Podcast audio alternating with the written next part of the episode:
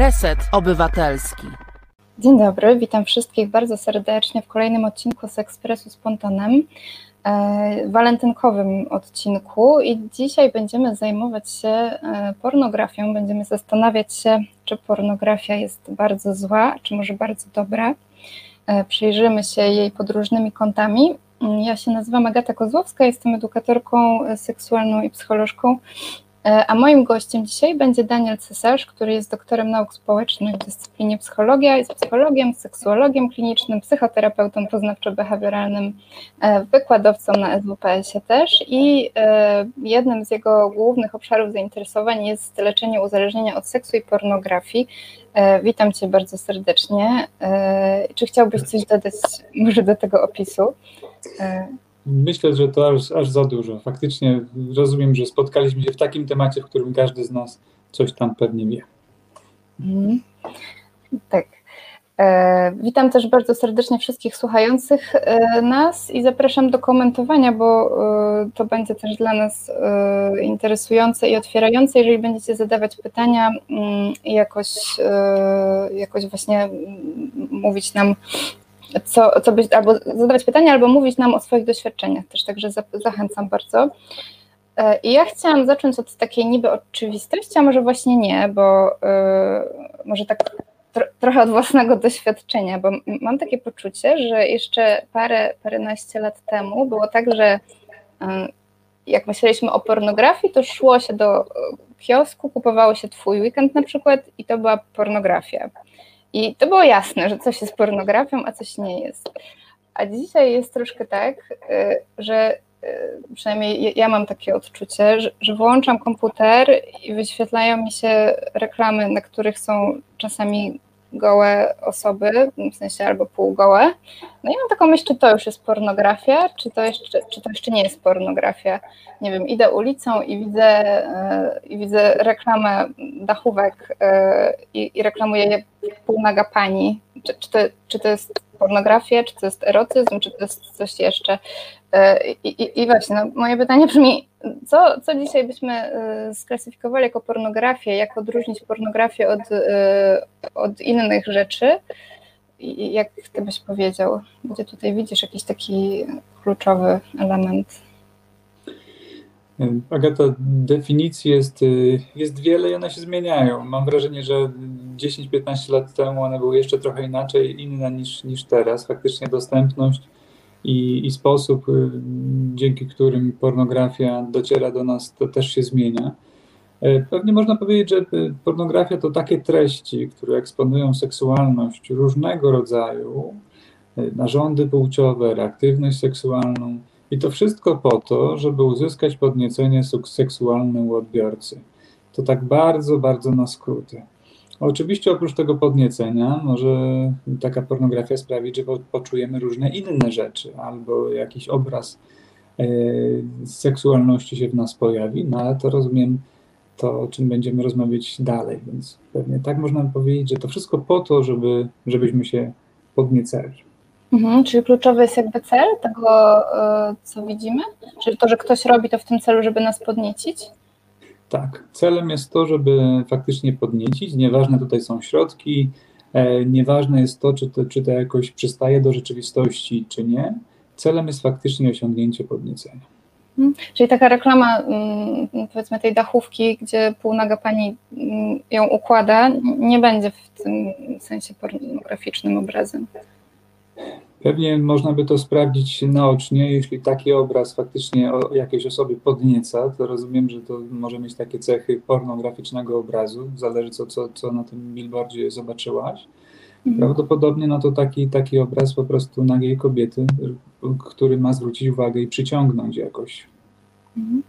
Pytam też pod kątem y, dzieci i nastolatków, bo tak sobie myślę, że to jest spory problem w przestrzeni publicznej w ogóle, jak ochronić dziecko przed takim obrazem pornograficznym i, jak y, wytłumaczyć też, co, co, się tutaj dzieje na tym obrazie, dlaczego akurat w taki sposób coś jest reklamowane, a nie winny. Więc... Mhm. No to myślę sobie, że y, że najlepszym sposobem jest, jest towarzyszenie w takiej jakiejś narracji takiemu dziecku. Jeśli, jeśli z tym dzieckiem idziemy, albo to dziecko zapyta o ten billboard, to mamy okazję dać jakąś taką opowieść do tego, co tam się dzieje, co tam jest ważnego i jaki rodzaj pomieszania tam nastąpił, bo, bo rozumiem, że tutaj o jakimś pomieszaniu też mówimy, że ktoś chce sprzedać dachówkę, a wystawia generalnie nagą kobietę. E, więc myślę sobie, że to jest taki, taki, taki, takie miejsce, gdzie my dorośli możemy jakąś taką dobrą narrację zbudować. Mhm. A tak idąc może głębiej w internet właśnie, tak sobie myślę jeszcze o tych przykładach mm, no właśnie, na pograniczu sztuki, na pograniczu pornografii. Mam, mam w głowie y, na przykład teledyski, na których młode kobiety y, twerkują, czyli ruszają y, pupami w taki bardzo erotyczny sposób, albo chociażby słynny y, teledysk Rammsteina y, do utworu Pussy, gdzie, y, gdzie muzycy współżyli, podobno współżyli z kobietami, które tam występowały. I tak się zastanawiam właśnie, gdzie jest ta granica granica taka internetowa, bo, y, bo to są treści, na które można natrafić po prostu y, przypadkiem. To, to, to, nie jest takie wejście na stronę, gdzie mamy napisane tam pornografia.com i, i, klikamy, że mam 18 lat, tylko to są rzeczywiście takie treści, na które ta młodzież y, może natrafić po prostu surfując po internecie. Mhm. Tak, jak tam mówisz, chyba takich sztywnych granic nie ma i faktycznie trudno znaleźć taką granicę, co, co jest sztuką, a co już jest pornografią. Możliwe, że zamysł twórców był e, stworzenie sztuki, a zamysł realizatorów stworzenie pornografii. Kto wie? Ważny jest chyba efekt, czyli, czyli co, co nam to robi, albo co ewentualnie może zrobić to odbiorcy, który jest nieprzygotowany, czyli na przykład dziecku. Rozumiem, że jeśli dziecko obejrzy taki teledysk, czy zobaczy takie materiały i nie ma e, wystarczającej narracji przygotowania przez dorosłych, to może mu zrobić bardzo różne rzeczy taki materiał. I chyba to tutaj jest sednem, że, że ta granica w tym przypadku na tyle została przekroczona, że, że ten materiał może robić krzywdę po prostu. Mhm. Pan Konrad pisze, że tak naprawdę to chyba nie ma granicy, gdzie kończy się, a gdzie zaczyna się pornografia. E, I rzeczywiście też, te, też mam takie poczucie, e, że to jest trudne. I, I tak sobie myślę, że też trudne jest funkcjonowanie w takim świecie, który z jednej strony ma zaburzoną granicę pomiędzy tym, co jest e, seksualne, a co nie jest seksualne, a z drugiej strony, szczególnie w polskim klimacie politycznym, że gdzieś trudno jest też rozmawiać o tym, bo są różne zakazy Myślę sobie, wiesz, że granice generalnie też w rozwoju na przykład dzieciaków y, dają bezpieczeństwo. I to nie znaczy, że granica jest brakiem rozmowy, wręcz przeciwnie. Granica jest opowiedzeniem o rzeczywistości w taki sposób, że na przykład dziecko dowiaduje się, że czegoś nie musi robić albo w czymś uczestniczyć, że ma jakieś granice, albo że nie wiem, dorośli czy rodzice też mają jakieś swoje granice, na przykład swoją seksualność, w której ono nie musi uczestniczyć. I mhm. to też są granice, ale też taka opowieść jest potrzebna, bo, bo bez niej dziecko samo sobie tego nie domyśli. Mhm. Czyli kolejny raz wracamy do tematu, który gdzieś się przewija też w naszych audycjach, że ta rozmowa jest super ważna, że gdzieś taki kontakt i wyjaśnianie świata e, nie tylko najmłodszym, ale też myślę sobie, że sobie nawzajem, że rozmowa między dorosłymi o pornografii i o seksualności w ogóle wydaje się bardzo ważna. Tak, bo wydaje mi się, że nawet y, wśród dorosłych, jak pracuję z parami, porozmawianie o pornografii jest tematem tabu. Bardzo trudno w parze pogadać o tym, że któryś z nich ogląda albo chciałby pooglądać wspólnie. E, to budzi duży wstyd albo duży opór czy zażenowanie, pomimo tego, że właściwie te materiały no, teoretycznie są przeznaczone dla osób dorosłych, więc te dwie osoby nie powinny mieć z tym jakiejś trudności ale nastręcza to faktycznie sporo trudności, sporo różnych swoich schematów tutaj trzeba dotknąć, e, dotyczących chociażby tego, że o seksie się nie rozmawia, nie mówi się wprost, albo nie podgląda się seksu innych osób. Mm, okej, okay. E, trudno o tym gadać, więc co dopiero porozmawiać z dzieckiem o czymś takim, że jest pornografia, że ona istnieje, że może nie jest stworzona dla dzieci, ale że jest i można na nią jakoś się nadziać. Mhm. Też sobie myślę o takim kolejnym micie, który gdzieś się przewija, szczególnie u przeciwników edukacji seksualnej, że jak zaczniemy o czymś mówić, to, to to dziecko zacznie po to sięgać, że jak powiemy o tym, że ta pornografia istnieje, to że tak jakby zachęcimy to dziecko do sięgania e, po nią i że to jakoś może wpłynąć źle na rozwój. Wręcz przeciwnie, w momencie, kiedy to dziecko dowie się, że są takie treści, albo że może natknąć się na takie treści, albo że może dostać, nie wiem, link to od znajomych ze szkoły, to, to to dziecko będzie wiedziało, jak to obsługiwać. Chociażby będzie wiedziało, że może z tym przyjść do rodzica czy, czy do kogoś ważnego w swoim życiu, dorosłego na przykład, z kim będzie mogła to sobie omówić to dziecko. I to jest naprawdę świetna sytuacja, kiedy to, to dziecko ma szansę takiej dorosłej narracji w tym, co widzi. Więc jeśli tego nie powiemy, albo powiemy, jest coś w internecie, ale do tego nie ogląda, i to wtedy faktycznie brzmi jak taki owoc zakazany. Mam nie oglądać, to jest jakieś takie może dla dorosłych, może ciekawe. No to wtedy faktycznie to może kusić. Jeśli dobrze opowiemy, opowiemy o tym, e, co to może robić dziecku, jak to może wpływać, e, to, to myślę sobie, że to daje taką, takie też bezpieczeństwo i takie poczucie, że ja nie muszę tego oglądać, że coś takiego jest, ale ja nie muszę tego oglądać. Mhm. No właśnie, bo tak trochę się skupiliśmy na dzieciach mhm. e, i myślę sobie e, właśnie, że warto by rozdzielić te, te, dwa tematy, to znaczy pornografia w kontekście dzieci, pornografia w kontekście dorosłych, więc może, może zapytam Cię, co właściwie z tą pornografią może być nie tak, a co może być tak, w sensie, czy ona jest taka naprawdę strasznie zła? I może tutaj jakoś y, skupię się na dorosłych y, najpierw i później jakoś y, porozmawiamy też o dzieciach, ale czy rzeczywiście tak jest, że ta pornografia to jest takie zło najgorsze, jak mówią niektórzy, że niszczy życie seksualne i po prostu jest czymś złym? Wiesz co, myślę sobie, że z nią może być trochę jak z alkoholem, że generalnie alkohol bywa potrzebny, dobry i, i jest.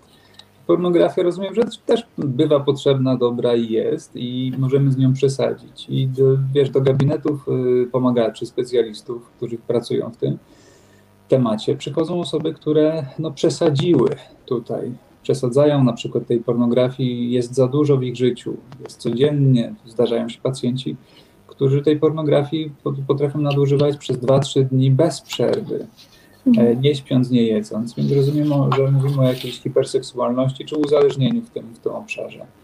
Więc to są takie momenty, które faktycznie niepokoją. Jednocześnie y, ta pornografia też może trochę deformować nam obraz y, bliskości, seksualności, jeśli sami nie, nie, stworzyliśmy sobie tego obrazu, jeśli ktoś, nie wiem, dobrze nas w nim nie poprowadził, to zdarzają się pacjenci, którzy na przykład nie rozpoczynają życia seksualnego, pracuje, nie wiem, z 30-latkami, czy nawet starszymi osobami, którzy nie rozpoczynają życia e, seksualnego, bo mają poczucie, że nie spełnią oczekiwań, że to, jak wyglądają, to, jakie mają możliwości e, w seksie, nie spełni oczekiwań partnerki, więc no, ten obraz pornograficzny jakoś tym osobom no, wydaje się wypaczać tę, tę, tą seksualność. Więc no, podaję tutaj takie ekstremalne może przykłady, ale no, takie osoby to są osoby, które się zgłaszają i potrzebują pomocy. Mhm. Też sobie widzę takie kontinuum właśnie, bo jeśli y, po pornografię sięgają w tym momencie coraz młodsze osoby i to y, y, gdzieś tam czytałam statystyki o tym, że już 8-9-latki zdarza im się sięgać albo sięgać samemu po pornografię, albo mieć styczność po prostu z pornografią, jeśli te, takie e, dzieci w tym wieku mają taki obraz seksualności, to tak sobie wyobrażam, że rosnąc, no to, to się nie rozwija w, dobrą stronę, w takim sensie, że, że one nie mają wcześniejszych doświadczeń związanych z drugą osobą, z tym, jak wygląda w ogóle bliskość pomiędzy dwoma osobami i opierając to na, na tym, co zobaczyły e, w pornografii, że jakoś jest to trudne, żeby, żeby się tego nauczyć Jasne, no bo musimy chyba sobie powiedzieć na tym etapie, że obraz pornograficzny zwykle jest takim obrazem, który jest niepełny. Czyli y, tam nie zobaczymy faktycznie całości, e, ca, całości zbliżenia seksualnego dwójki osób. Tam czegoś brakuje. Brakuje gry wstępnej, brakuje etapu podniecenia, y, tworzenia jakiejś bliskości. E, wielu rzeczy brakuje, nie ma też końca zwykle, nie wiadomo też, co na końcu zrobić. Więc chociażby w tym zakresie, no, ten obraz jest niepełny. Mhm. Mówiliśmy o tym, że może być wypaczony. E, więc to dziecko nie dostaje pełnego, pełnej informacji. Co więcej, jak sobie pomyślimy, co może taki ośmiolatek poczuć, pierwszy raz jakoś, e, przez przypadek często trafiając na pornografię, to może poczuć pełną paletę emocji, totalnie pełną. To może mu się i spodobać, i przerazić, i zasmucić, i jakoś sprawić, że będzie zły. Prawdopodobnie pełną. No i w momencie, kiedy nie ma dorosłej osoby, która w tym momencie jakoś porozmawia, opowie, co tam się działo, opowie, co tam było ważne, co jest prawdą, co nie, to faktycznie trudno to pomieścić, co się tam dzieje. Zobacz, każdy z nas, tak sobie myślę, bardzo dobrze pamięta taką pierwszą sytuację związaną z seksualnością. Nawet jeśli to było coś niewinnego, nawet jeśli przeglądaliśmy tak zwany świerszczyk, czy to była jakaś taka sytuacja, w której poczuliśmy podniecenie, ona się bardzo mocno w nas gdzieś tam yy, zapada w nas. My ją pamiętamy, my ją też emocjonalnie pamiętamy, potrafimy powiedzieć, jakie to emocje były. Więc wyobraźmy sobie, co, co się dzieje, kiedy takie ośmioletnie dziecko poczuje coś tak ogromnego, coś tak nieprzystającego i coś, czego nie potrafi totalnie nazwać. Więc może to też po prostu powodować jakiś rodzaj traumy w tym, w tym dziecku i, i to jest też, też trudne. Siłą rzeczy też warto w tym momencie powiedzieć, że, że dzieci y, y, w wieku 8 lat y, no, nie oglądają tej pornografii, jeśli już faktycznie na nią trafią i jakoś regularnie się zaczyna pojawiać w ich funkcjonowaniu, żeby, żeby się podniecać, żeby mieć orgazmy. Zwykle dzieci korzystają z tej pornografii, jeśli już, to po to, żeby w, tym, w, w, w kontekście rówieśniczym jakoś nie zostawać w tyle. Czasem niestety tak to brzmi. A, a czasem ta pornografia służy do tego, żeby radzić sobie z napięciem emocjonalnym, to znaczy towarzyszy tej pornografii masturbacja. I to jest taka masturbacja, która ma po prostu ukoić to dziecko dzięki, dzięki temu, że jest ta pornografia, że jest masturbacja no, szuka takiego rozładowania emocji. Niestety ten schemat często idzie w, w życie i w dorosłość. Więc mam wielu pacjentów, którzy właśnie zaczynali e, jako 10-12-latkowie jeszcze ze świerszczykami, teraz mając 25-30 lat, są uzależnieni od pornografii, masturbacji. To zwykle takie kombo jest. No i to też jest chyba ważny temat tutaj. Mhm. Też e, powiedziałeś, że brakuje różnych rzeczy w tej, w tej wizji pornograficznej. Brakuje początku, brakuje końca, brakuje pokazywania bliskości. Czego tam jeszcze brakuje? Albo co, co, czego jest za dużo może też, w drugą stronę też. Wiesz co, też zobacz, nie ma tam właściwie y, rozmów. Nie ma tam rozmów o potrzebach, y, o tym, co, co ważne. Zwykle aktorzy jednak nie rozmawiają ze sobą. Zwykle odtwarzają jakiś scenariusz układów figur, pozycji. E, właściwie nie ma tam wymiany informacji. I, i podobnie, podobnie pary, które wchodzą e, do łóżka ze sobą, rzadko gadają. Raczej jest tak, że, że na którejś tam randce ten seks uprawiają, e, a dopiero po jakimś czasie orientują się, że można o tym seksie też pogadać, zobaczyć, co w nim jest ważnego, co w nim jest fajnego, a czasem trudnego. Więc ta tradycja super, jeśli byłaby odwrócona, jeśli dwie osoby najpierw o tym seksie by troszkę pogadały, a dopiero później na ten seks się decydowały, to byłoby mhm. fajne.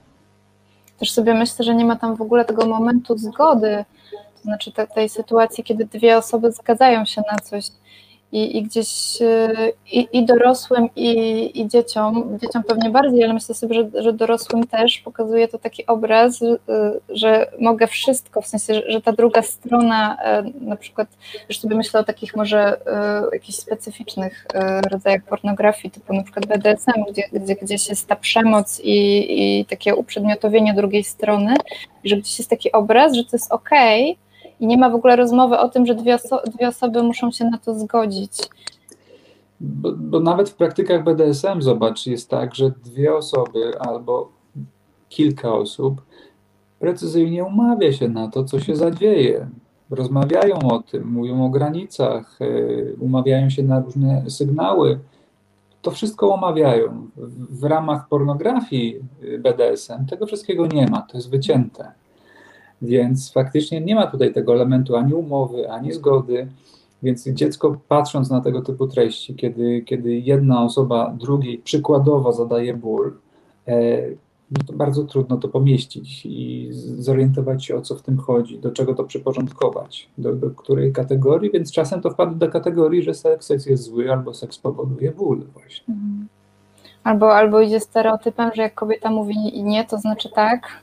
I też ciężko sobie uświadomić, że, że to, tak nie jest w życiu. Też mi się ko kojarzy gdzieś tam te słynne 50 twarzy Greya, w, którym, y, w których też też trochę, no były całe dyskusje na temat tej książki i filmu, ale, ale gdzieś też zabrakło tego elementu pokazania, że ten seks właśnie w takiej, takiej, w takiej formie trochę BDSM-owej, że, że potrzebuje świadomej zgody, a nie przymuszenia kogoś psychicznie, bo jakoś miałam poczucie, że tam to też było zaniedbane właśnie. I że myślę sobie, że nawet dorośli nie, nie mają przykładów, skąd w ogóle, nie, nie wiedzą, nie wiem skąd mają brać e, jakby takie wzory, żeby jakoś e, radzić sobie mm, w tych relacjach w taki sposób, który będzie, e, w których będą mogli zadbać o siebie. Jest to jakoś przerażające, też, też badania pokazują taką tendencję, badania wśród młodych, dorosłych Polaków, E, że, że ponad 50% czerpie wiedzę z internetu na temat seksu i seksualności, no to co, co w tych czasach jest jak najbardziej logiczne. Ale coś, co bardziej niepokoi, to, to, to e, wynik, który pokazuje, że ponad 25% z badanych uważa, że pornografia jest takim rzetelnym źródłem informacji na temat seksu, seksualności. Mm, pewnie jakimś bywa źródłem informacji, y, ale na pewno nierzetelnym i niepełnym. I, chociażby o tym warto byłoby powiedzieć, więc, więc, więc jakby faktycznie młodzież y, wiedziała, że jest coś takiego jak pornografia, że to jest może jakieś źródło informacji, a czasem niepełne, czasem przerysowane, to, to zaczynamy tą pornografię umiejscawiać tam, gdzie ona powinna być po prostu, a nie jako taki tutaj wzór do naśladowania. Mhm. Ja też sobie myślę, już tak krytykując, bo tak strasznie skrytykowaliśmy, jeszcze zaraz może przejdziemy do tego, czy są jakieś pozytywy oglądania pornografii, ale że, że gdzieś tam to mainstreamowe porno jest też takie mm, krótko mówiąc, nudne, kiepskie i powtarzalne. To znaczy, że wszystkie te filmy są e, robione podobnie. Jest jakiś schemat, według którego tam się coś odbywa. Obowiązkowo jest pokazana scena, e, na której e, no, muszą, być, muszą być konkretne rzeczy tam umiejscowione, tak, żeby, żeby użytkownicy, odbiorcy byli zadowoleni. I tak, I tak sobie myślę, że to, że to może być aż męczące oglądanie y, tych produkcji, które są do siebie podobne. Jeszcze za chwilę będę Cię pytać, albo jakoś będę chciała porozmawiać o tym, czy w ogóle jest jakaś alternatywa. Ale y, co, co, co myślisz o tym, że, że właśnie to jest takie wszystko y, spłaszczające tak naprawdę ten obraz seksu? Agata, oczywiście, że jest spłaszczające, z tym, że mam wrażenie, że osoby sięgające po pornografię raczej ani e, doznań estetycznych, ani e, innych uniesień poza takich e, seksualnych nie oczekują. Więc myślę sobie, że, że ten obraz jest tak zbudowany, jak faktycznie jest potrzeba. Zobacz, te filmy są zwykle niezbyt długie, niezbyt rozbudowane, jest tam kilka zwykłe, zwykle powtarzalnych pozycji, ale coś, co jest istotne niestety, zmieniają się postaci, zmieniają się aktorzy. Y, I, i, I to tutaj jest ten efekt nowości, efekt świeżości. Niektórzy mogli powiedzieć, że to ewolucyjnie, na przykład mężczyźni, bo to mężczyźni częściej te, z tej pornografii według badań jeszcze cały czas częściej korzystają, że to mężczyźni mogą mieć takie poczucie, że, że to seks z kolejną kobietą na przykład uprawiają heteroseksualni mężczyźni. Więc no, pewnie to się łączy w jakąś taką jedną opowieść, byle jaką. Oczywiście, że byle jaką, no, ale rozumiem, że sprawdzającą się. No właśnie, powiedziałeś mężczyźni, kobiety też do ciebie przychodzą do gabinetu? Jak to jest tak procentowo, jakbyś miał... Proporcjonalnie rzadziej. Myślę sobie, że 5 do 1. I zgodnie z, z, badaniami, które, które gdzieś tam można znaleźć, to, to podobnie jest 5 do 1 mniej więcej e,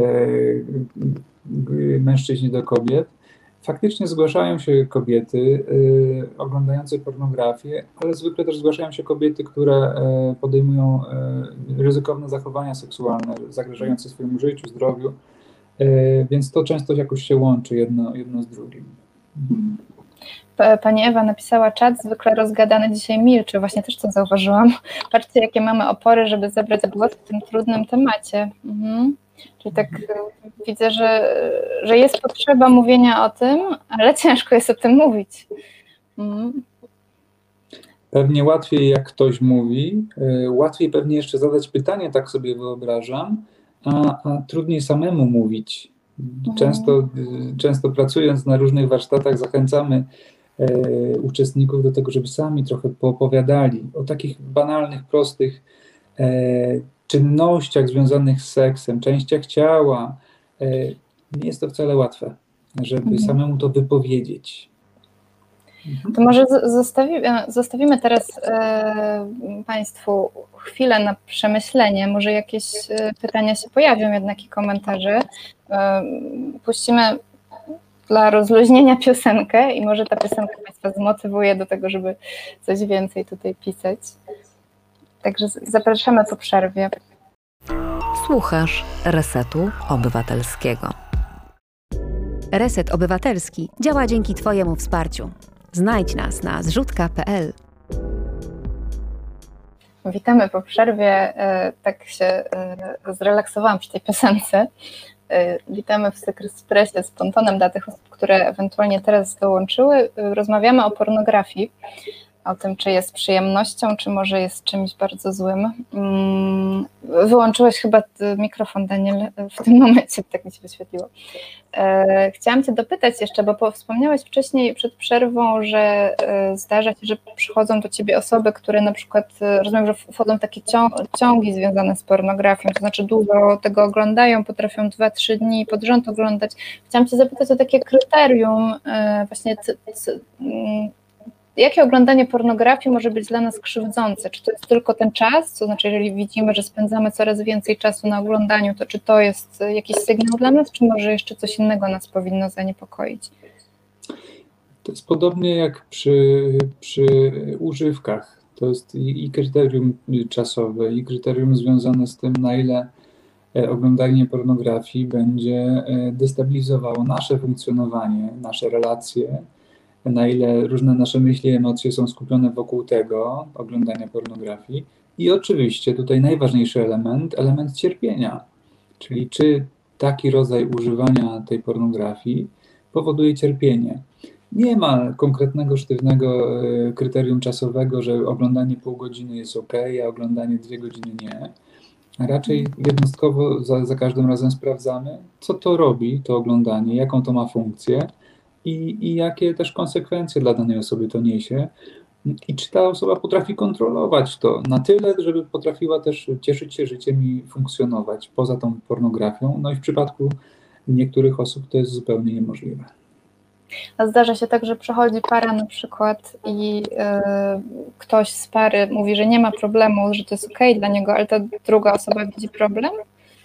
Tak, oczywiście, że tak. Tak się, tak się zdarza i i wtedy no, takim wnioskiem, który się nasuwa, jeśli to pan ogląda pornografię, a pani zgłasza, że to jest problem pana, to wnioskiem, który się nasuwa, jest taki, że to pewnie większy problem na tym etapie ma niestety partnerka, a nie ten pacjent. I oczywiście to nie jest taki dobry moment, żeby zaczynać terapię, szczególnie terapię związaną z uzależnieniem od pornografii, bo ta osoba jeszcze nie widzi problemu.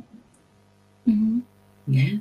Jak jest z hardkorowością, w sensie treści, które oglądają y, ludzie? To znaczy, czy to jest tak, że im więcej oglądamy, tym te treści są bardziej jakieś takie intensywne, nie wiem, idące w jakieś y, takie ciemne sfery już y, tej pornografii? Czy to jest tak, że można pozostać na tym poziomie takiego powiedzmy waniliowego seksu, czyli gdzieś tak, takiego zwykłego, przyjemnościowego i, i nie idzie się dalej? Dos, dosyć często u osób, które kompulsywnie albo uzależnieniowo korzystają z tej pornografii, e, to ma charakter pewnej progresji. To znaczy zaczynają od, od takich treści soft e, i później przechodzą do tych mocniejszych. Często nawet kończy się na takich treściach penalizowanych, chociażby pedofilnych. E, I często dopiero na tym etapie trafiają do specjalistów, więc zdecydowanie o pewnej progresji tutaj możemy mówić. Do takiej progresji która może niepokoić. Podobnie jak w przypadku alkoholu, tego alkoholu ta tolerancja z czasem jest, jest coraz większa, więc trzeba coraz więcej. Tak samo tutaj te bodźce są coraz mocniejsze, potrzebne. Hmm, a czy po treści pedofilne może też sięgnąć osoba, która jakby nie miała wcześniej takich preferencji w ogóle? Tak, oczywiście, że tak. Hmm. Wręcz czasem jest tak, że, że przychodzą osoby do gabinetu twierdząc, że są pedofilami, kiedy sprawdzamy e, o co chodzi. Okazuje się, że faktycznie w pewnej progresji doszły do treści pedofilnych, ale te treści nie są, nie są ich preferencją podstawową, to znaczy ich preferencją nie jest seks z dzieckiem, tylko na przykład, nie wiem, z dorosłą osobą, e, ale w ramach e, tego koła uzależnienia, tak to można, możemy nazwać, doszły, doszły do takich treści, bo tylko takie treści budują na tyle dużo napięcia w nich, E, żeby, żeby to jakoś mogło się dalej kręcić. Mhm. A można wrócić do bezpiecznego oglądania pornografii po tym, jak się wyjdzie z takiego cyklu? Bo tak sobie myślę, że to tak jak z alkoholizmem, e, że jak się jest gdzieś tam w terapii, po terapii, gdzieś jest. E, często osoby unikają alkoholu już do końca życia. I jak jest tutaj? Bo ta seksualność jest taką sferą, której którą ciężko odciąć całkowicie. Wiesz co, dawniej, dawniej twierdzono, że, e, że model abstynencyjny sprawdza się i w przypadku e, uzależnienia od substancji, i w przypadku uzależnienia od seksu czy pornografii. E, od, od kilku ładnych lat już nie pracuje się na modelu abstynencyjnym, to znaczy, że nie pracuje się nad tym, żeby pacjent miał totalną abstynencję od pornografii, od masturbacji czy od seksu. Więc siłą rzeczy Raczej e, celem pacjenta nie jest to, żeby zupełnie w życiu nie oglądać pornografii, czy się nie masturbować w związku z tą pornografią, tylko raczej celem jest to, żeby e, móc dokonywać świadomych wyborów. I jeśli tak się dzieje, to faktycznie ta pornografia pojawia się o wiele, o wiele rzadziej i to zgodnie z potrzebami, bo, bo często właśnie w ramach tej pornografii e, pacjenci rozładowują napięcie emocjonalne, a nie wcale popędowe. I w momencie, kiedy sobie jakoś to potrafią odróżnić, kiedy robię to napięciowo, a kiedy popędowo, to pracują nad tą częścią napięciową w terapii, pracują nad tym, żeby, żeby inaczej radzić sobie z napięciem emocjonalnym, ze stresem, z lękami. Nad tym się pracuje w terapii. A ta część popędowa po prostu zostaje taka, jaka była, bo, bo na nią tutaj nie mamy na szczęście wpływu i ona zwykle jest o wiele rzadsza, o wiele taka łatwiejsza do kontrolowania. Czyli rozumiem, że jeżeli wracam wieczorem po pracy i jestem zestresowana i gdzieś y, i na przykład codziennie po to, żeby sobie jakoś pomóc się zrelaksować, sięgam po tą pornografię, to mogę sobie zacząć myśleć, że gdzieś pojawia się problem, tak? Tak upraszczając bardzo mocno. Mogę sobie zacząć tak myśleć, mogę sprawdzić, czy, czy tej pornografii towarzyszy też czasem lampka czegoś mocniejszego, bo często to jest takie kombo, nalewam sobie drinka, włączam komputer czy, czy, czy, czy telefon, E, i czatuję albo oglądam pornografię. E, jeśli e, potrafię to kontrolować, czyli na przykład przez tydzień czy dwa tygodnie potrafię zrobić inaczej, to pewnie nie powinno nas to jakoś bardzo martwić. Ale jeśli spróbujemy to zrobić i się to nie uda, to, to prawdopodobnie jakaś tutaj czerwona lampka jednak powinna nam się zapalić. Mhm. Okej, okay. strasznie, strasznie żeśmy się skupili na tych y, strasznych, ciemnych stronach pornografii. Czy w takim razie są jakieś dobre strony, czy, czy pornografię, jakby, co dobrego pornografia może przynieść w naszym życiu? Czy w ogóle coś może? Y, jasne. Myślę sobie, że y, pornografia, jako pewne rozwinięcie, tak to nazwijmy, erotyki, może się przysłużyć nam w takim i poznawaniu siebie, swojego ciała, i poznawaniu reakcji swojego ciała na różne bodźce, e, pod warunkiem, że jakoś jesteśmy do tego przygotowani. Tak samo fantastycznie pornografia może posłużyć parze, jeśli ta para, nie wiem, już jest na etapie, kiedy różne trupy w szafie są, są omówione i posprzątane, nie ma jakichś konfliktów i zdrad, e, jest otwarta komunikacja, to pornografia może być fajnym wstępem do wspólnego fantazjowania, do rozmawiania o wspólnych potrzebach, e, granicach też, e, więc myślę sobie, że to może być fajny przyczynek do, do takiego urozmaicenia, ale świadomego urozmaicenia, bo faktycznie to nie jest tak, bo czasem pary sobie myślą, że, że jeśli seks nam nie idzie, ale też relacja nam nie idzie, to sobie puśćmy porno. Raczej to się dobrze nie sprawdzi, bo często przychodzą pary, które kłócą się na pornografii, albo której ze stron poczuła się skrzywdzona, e, czy jeszcze w jakiś inny trudny sposób podczas oglądania tej, tej pornografii. E, więc myślę sobie, że ta pornografia jest faktycznie mm, dobrą, dobrym elementem, ale w takich relacjach, które gdzieś tam już, już są jakoś w miarę dojrzałe, w miarę ustabilizowane, to może być fajne urozmaicenie. Raczej nie jest lekarstwem na poprawę relacji w, w, danej, w danej parze. Powiedziałeś też o tym wstydzie na początku i tak sobie tak się zastanawiam, jak dojść do tego momentu, żeby właśnie przełamać ten wstyd i zacząć rozmawiać w ogóle, bo tak sobie wyobrażam, że jeżeli są pary, które są otwarte od początku i rozmawiają od początku o tym seksie, no to dla nich pewnie nie będzie trudne jakoś użyć te, te, te, tego narzędzia pornografii do tego, żeby jakoś e, rozwinąć sw swoją relację. Ale e, jeśli mamy do czynienia z osobami, które nigdy o tym seksie nie rozmawiały, chciałyby, ale nie wiedzą jak, to od czego one mogą zacząć w ogóle? Od najbardziej banalnych rzeczy. Czasem, czasem e, pary planują sobie e, przy herbacie albo e, lampce wina tworzenie takiego wspólnego języka dotyczącego seksu i seksualności. Czyli w swoim towarzystwie pierwszy raz czasem wymawiają słowa, nie wiem, pochwa, wagina, penis, albo szukają swoich takich przyjaznych dla siebie nazw, po to, żeby jakoś zacząć w ogóle mówić o tym. Więc najpierw muszą stworzyć swój język, jakoś tym językiem się poczuć w tej relacji, jakoś poczuć się bezpiecznie. Dopiero później chyba przychodzi czas na to, żeby w ogóle porozmawiać o swoich potrzebach, o tym, co lubię, czego nie lubię. Są fajne narzędzia, bardzo proste, chociażby takie, gdzie para może sobie stworzyć mapę sfer erogennych, prostu każdy sobie na, na, na kartce rysuje miejsca, które bardzo lubi, miejsca, których nie lubi u siebie, u partnera. Omawiają sobie to, porównują, więc jest masę takich narzędzi, e, ale najpierw trzeba chyba te, to, tę bazę stworzyć, trochę też języka i trochę też takiego zaufania w tym, w tym aspekcie. Mhm.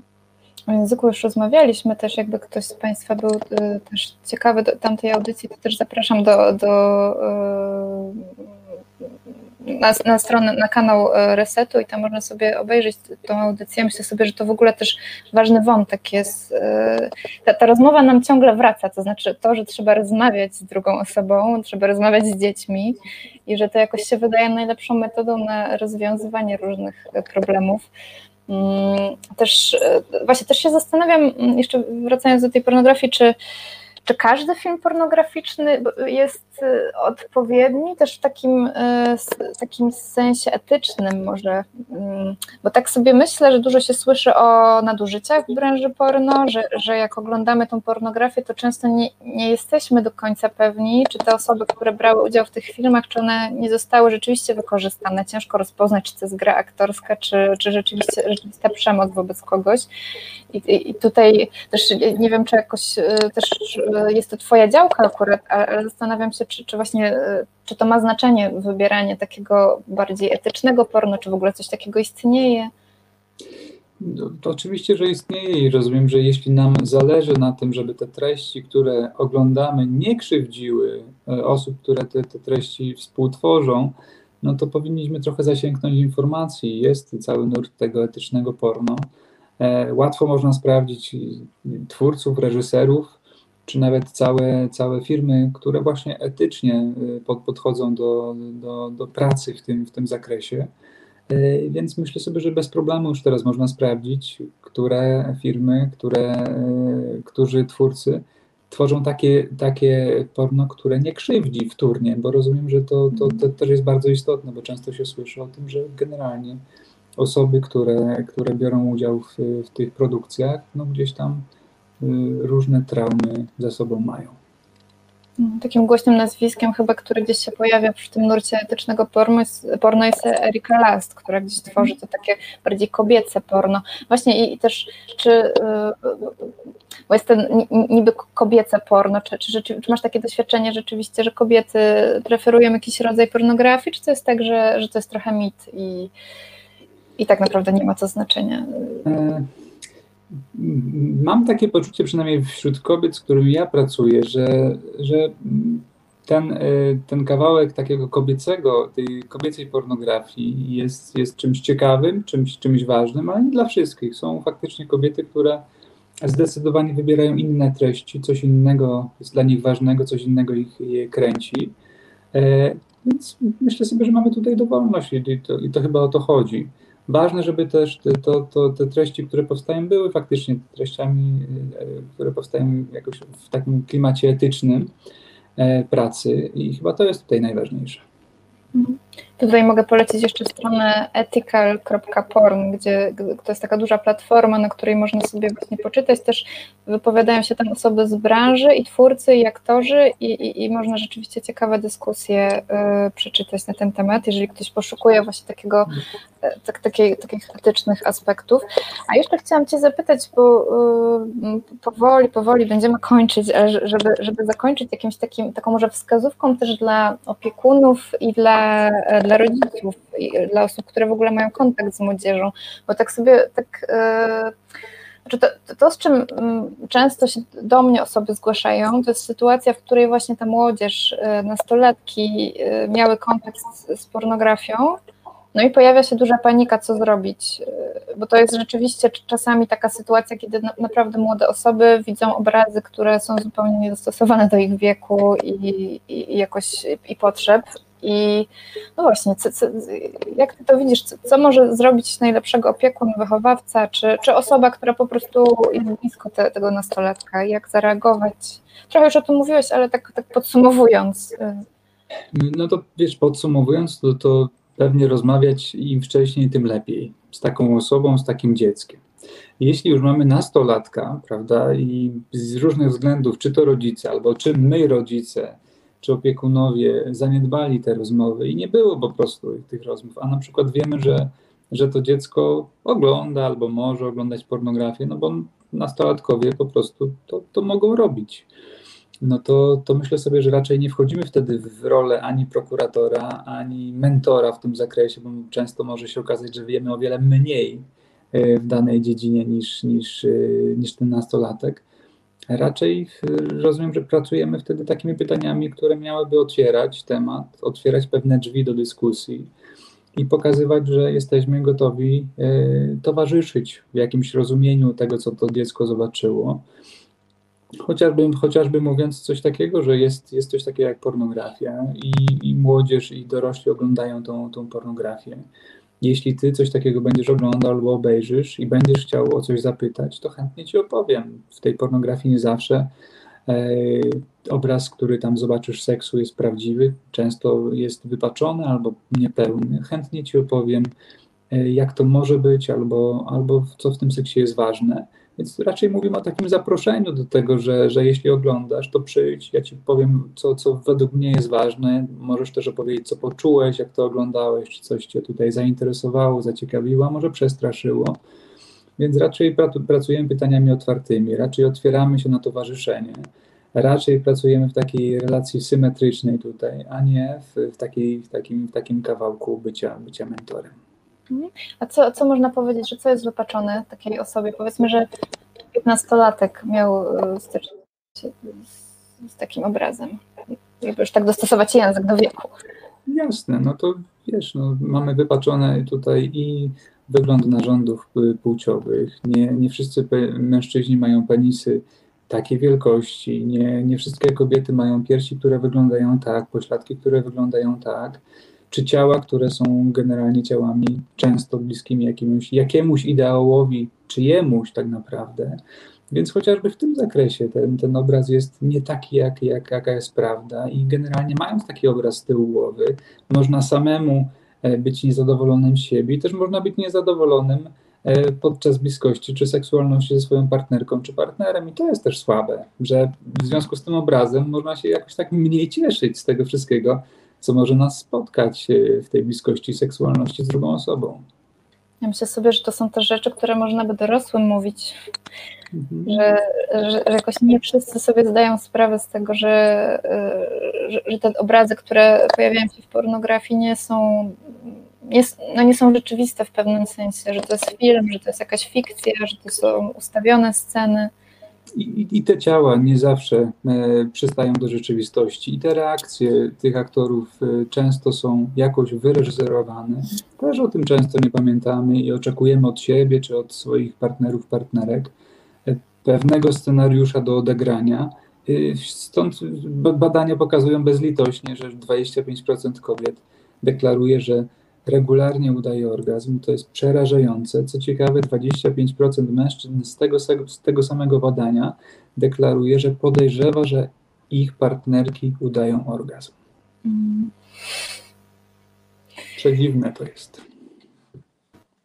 Ale rozumiem, że, że dzieje się to wszystko na tym planie odgrywania pewnego scenariuszu i spełnienia pewnych oczekiwań, o których najczęściej ci partnerzy po prostu nie pogadali przed tym seksem, więc raczej spełniają różne fantazje na temat tych oczekiwań.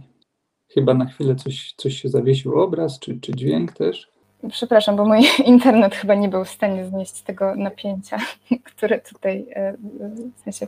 Ocenzurował chyba naszą tak, rozmowę trochę. Tak, więc nie słyszałam do końca, co, co mówiłeś. Mam nadzieję, że Państwo słyszeli, ale to w takim razie zadam jeszcze końcowe pytanie, bo tak sobie pomyślałam, że może się pojawiać duży lęk w opiekunach, w rodzicach, właśnie w osobach towarzyszących. I takie, taka, taka pierwsza myśl jest to przerażenie, że Boże, że oni widzieli te obrazy, czy to może sprawić, że moje dziecko, czy że mój y, podopieczny będzie y, jakby y, do końca życia już straumatyzowany przez to, czy, czy ty byś coś powiedział takim, takiemu dorosłemu, który to przeżywa?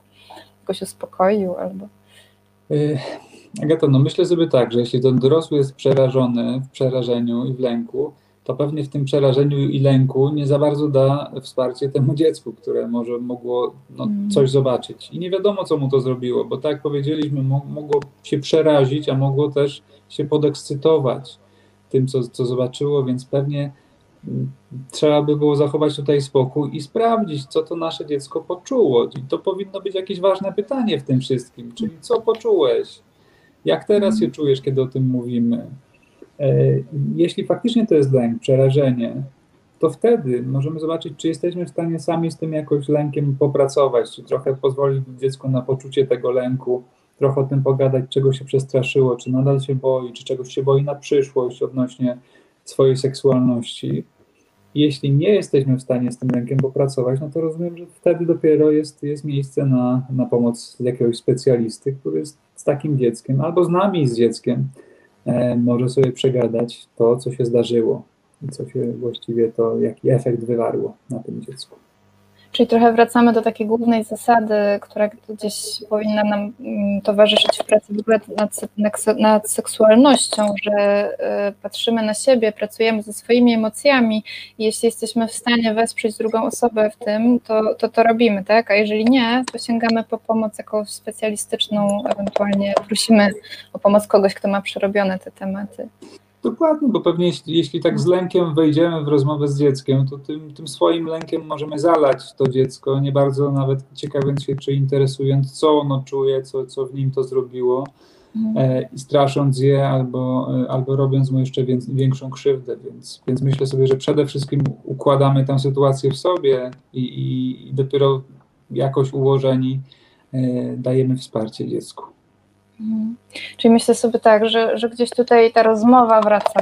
Sensie, że, że rozmowa jest podstawą i rozmowa dorosłych e, z dorosłymi i dopiero wtedy może, znaczy rozmawiając z dorosłymi, uczymy się też, jak rozmawiać z dziećmi, bo sobie przerabiamy różne rzeczy, uczymy się tego języka, którym potem mówimy, jakoś otwieramy się na te tematy i dopiero z tym możemy, możemy iść w stronę y, uczenia innych, czym jest ta seksualność. Jasne i fajnie, że o tym mówisz, bo, bo faktycznie pornografia, y, powiedzieliśmy sobie, że tą rozmową nie jest, więc do tej pornografii wszyscy się muszą jakoś przygotować. Dorośli i ewentualnie dzieci, żeby, żeby się na nią natknąć. Mhm. Jeśli będziemy przygotowani, to pewnie będzie łatwiej o tym po prostu pogadać. Pan Adrian napisał wyjątkowo ciekawa i istotna rozmowa na temat pornografii, która powinna dać jasno i mocno do zrozumienia, że wbrew tym powszechnym i powtarzającym się mitycznym przekonaniu, że pornografia jest zła, pornografia może mieć pozytywny wydźwięk, ma na pewno jakieś dobre skutki i ona doprawdy stanowi przejaw wolności seksualnej i obyczajowej, jeśli oczywiście jest ona dobrowolna i z własnej woli oglądana, obejrzana i doceniana, a duma ze swojej własnej seksualności i miłości E, naprawdę czyni ludzkie. Tutaj się przerwało, pewnie coś tam dalej jeszcze miało być, ale dziękujemy też za ten komentarz. Ja Ci też bardzo dziękuję, Daniel, za tą rozmowę. E, jakoś e, mam poczucie, że pewnie jeszcze można by więcej i dłużej, ale, ale czas nam się kończy. Także w swoim imieniu też dziękuję za komentarze. Mam nadzieję, że jakoś w Państwa głowach też pojawiają się nowe przestrzenie i nowe obszary do eksploracji albo do, do sprawdzania, jak to u Was jest. E, a teraz zapraszam e, na audycję Każdy jest ważny Dominika Kwiatkowskiego. Ona się zacznie o 18, czyli już za chwilę. A my się, my dziękujemy jeszcze raz. Również dziękuję. Dzięki. Dzięki. wielkie. Reset Obywatelski. Podobał Ci się ten program? Reset to medium obywatelskie, którego jedynymi sponsorami jesteście Wy, odbiorczynie i odbiorcy. Wesprzyj nas na zrzutka.pl i pomóż budować niezależne medium.